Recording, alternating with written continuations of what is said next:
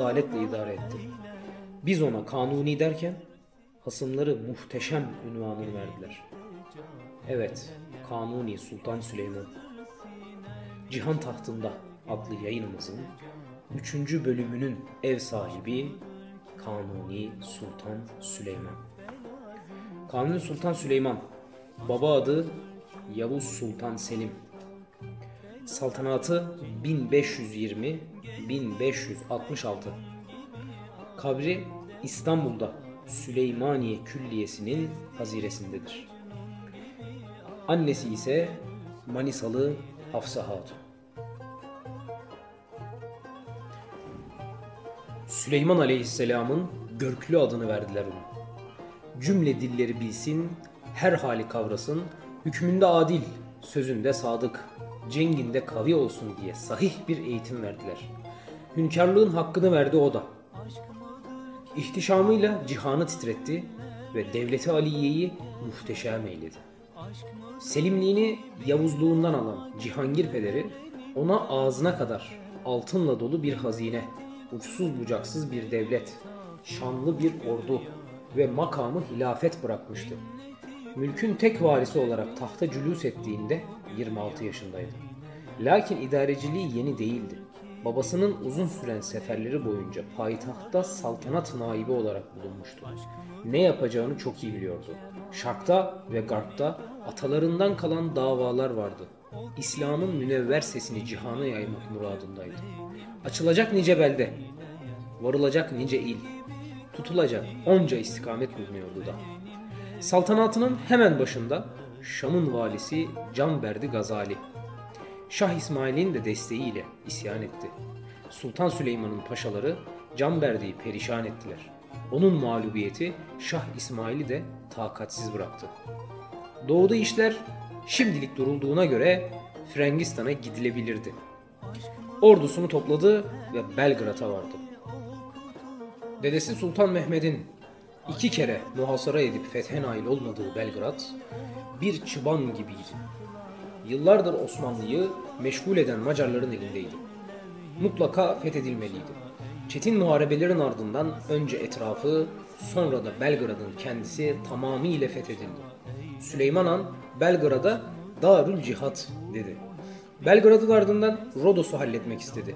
Zira Rodos şövalyeleri İslam beldelerini rahatsız ve dahi huzursuz etmekteydiler.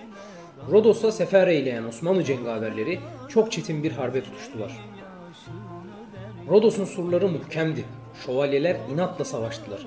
6 ay süren zorlu bir mücadelenin ardından Rodos fethedildi. Önce Belgrad'ın, ardından da Rodos'un İslam ile müşerref olduğu o güzel günlerde Mısır'da bir isyan baş gösterdi. Mısır Beyi Ahmet Paşa istiklalini ilan etti. Adına para bastırıp hutbe okuttu. Ahmet Paşa'nın derdi başkaydı. Hayalinde vezir azam olmak var iken Sultan Süleyman onu değil, Pargalı İbrahim Paşa'yı sadrazam yapmıştı. Bunu sindiremiyordu. Bu sebeple vali olarak gönderildiği Mısır'da isyan bayrağını açmıştı. Sultan Süleyman Ahmet Paşa'nın üzerine İbrahim Paşa'yı gönderdi.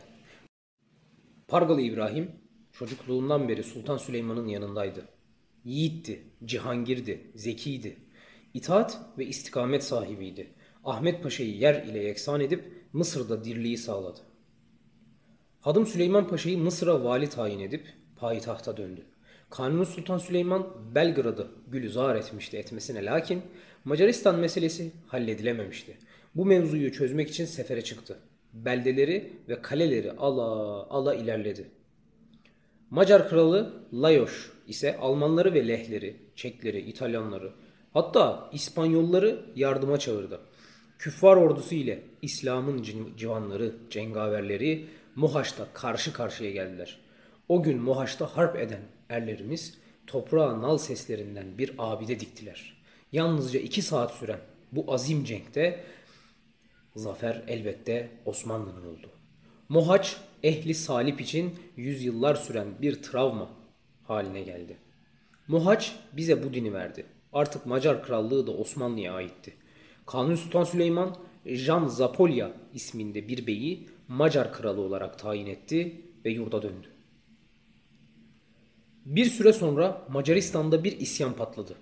Alman İmparatoru Charles'in kardeşi Ferdinand kendini Macar kralı ilan etti. Macar komutanların da desteğini alan Ferdinand Zapolya'yı taciz ediyordu. Sultan Süleyman bir kere daha Macaristan seferine çıktı. Fakat Ferdinand muhteşem Kanuni'nin karşısına çıkmaya cesaret edemedi. Sultan Süleyman Macaristan'da işleri yoluna koydu. Zapolya'yı tahkim etti ve Ferdinand'ın sığındığı Viyana üzerine yürüdü. Viyana, Garb'ın kapısıydı. Bir açılsa cihan Osmanlı önünde diz çökecekti. Kanuni bunu çok iyi biliyordu. Fakat kış çetindi. Nasipte fetih de olmayınca 21 günlük muhasara kaldırılıp dersadete dönüldü. Çok geçmeden Ferdinand tekrar ortaya çıktı ve Osmanlı'nın Avrupa'daki kalelerine saldırdı. Birkaçını ele geçirdi, hatta bu din önlerine geldi. Ama akıncılar fırsat vermedi ona. Kış bahara dönerken Kanuni yeniden Macaristan'daydı. Bu sefer başka bir yol izledi ve Almanya'nın topraklarından devam etti. Şarklen ve Ferdinand'a gereken cevabı vermek istiyordu. Fakat heyhat tam 7 ay Kanuni Sultan Süleyman ilerledi, ilerledi, ilerledi. Almanlar karşısına çıkamadılar, savaşamadılar. Almanya'nın bağrında rakipsiz dolaşan Osmanlı ordusu kışın gelmesiyle geri döndü. Bu sefer doğuda Şah Tahmasp meselesi ortaya çıktı. Şah İsmail'in oğlu Tahmasp halkın itikadını bozmak için çaba sarf ediyordu. Anadolu'da Şii fitnesi bitmemişti. Kanuni Sultan Süleyman Frank diyarında İslam'ı yaymaya çalışıyordu. Oralara Allah'ın inayetiyle elbette İslam'ı ulaştıracaktı. Fakat halkın temiz itikadı zedelendi mi bunun hesabını Hazreti Allah'a nasıl verirdi? İtikat bozukluğu çok daha vahimdi. Yüce Hünkar hemen Tahmasp üzerine yürüdü. 1534'te Tebriz'i yeniden fethetti. Ardından Bağdat'a vardı. Kışı burada geçirdi. İmam-ı Azam Hazretlerinin ve Abdülkadir Geylani Hazretlerinin türbelerini imar etti. İşler yolunda görünüyordu. Bu sebeple İstanbul'a döndü. O dönünce Tahmasp yeniden saldırdı. Tahmasp saldırınca Sultan Süleyman yeniden Safavi seferine çıktı. Fakat Şah Tahmasp tıpkı babası gibi İran içlerinde kayboluyordu. Savaşamıyordu ama sinsizce saldırıyordu. Batıda Ferdinand'ın, doğuda Tahmasp'ın uyguladığı bu yönteme yıllarca sabırla karşılık verdi Sultan Süleyman. Sürekli bir batıya bir doğuya sefer eyledi. Kah İran içlerinde, kah Almanya'da düşmanlarının karşısındaydı hep.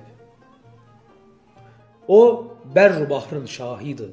Karalarda ondan habersiz kuş uçmazken denizlerde de Barbaros Hayrettin gibi bir cengavere sahipti. 1538'de Preveze'de 7 düvelin donanmasını tek başına yendi Barbaros. Sultan Süleyman karada fırtına gibi eserken Barbaros da denizlerde Andrea Doria'nın aklını başından alıyordu. Muhteşem Süleyman, dedesi Fatih Sultan Mehmet'in Otranto hayalini gerçekleştirmek arzusundaydı aslında.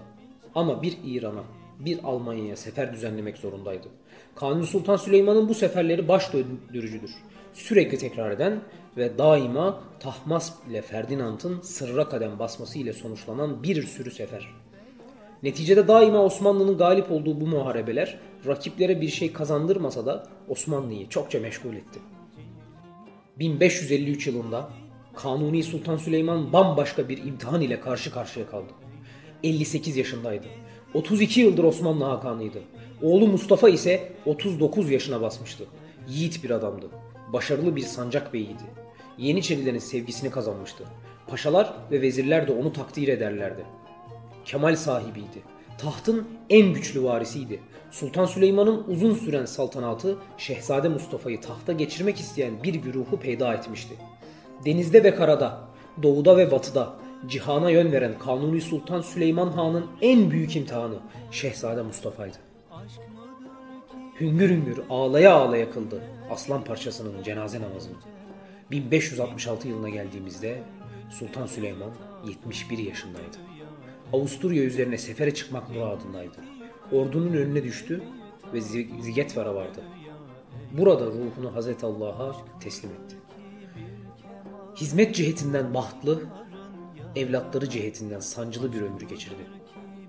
O kendisine bayrak açan oğluna Bayezid'im suçunu bağışlarım gelsen yola, bir günahım deme bari, tevbe kıl canım oğlum diyecek kadar yürekli, asil, zarif bir hükümdardı. İsyanlar, acılar ve sıkıntılarla örtülü olan çevresine rağmen şerefli zaferlerle mamur bir hükümdarlık geçirdi. Saltanat dedikleri ancak cihan kavgasıdır, olmaya bahtü saadet dünyada vahdet gibi diyordu bir şiirinde. Tevhid için cenk ediyordu, yoksa bu cihan kavgasında gözü yoktu. Uzun gecelerde ve nazlı seherlerde zikir ile tefekkür ile meşguldü. Müthiş gazeller yazıyordu. Hüner sahibi bir kuyumcuydu. Değerli taşlardan kıymetli mücevherler üretiyordu. Harpte ve sanatta mahirdi. Devleti ikbal ile imar etti. Mimar Sinan'ı ve Baki'yi, Ebu Suud Efendi'yi ve Zembilli'yi barındıran muhteşem bir devrin sultanıydı. Kanuni Sultan Süleyman'ın ismiyle Mimar Sinan'ın imzasıyla yükselen Süleymaniye Camii'nden hepinize selamlıyorum. Esen kalın.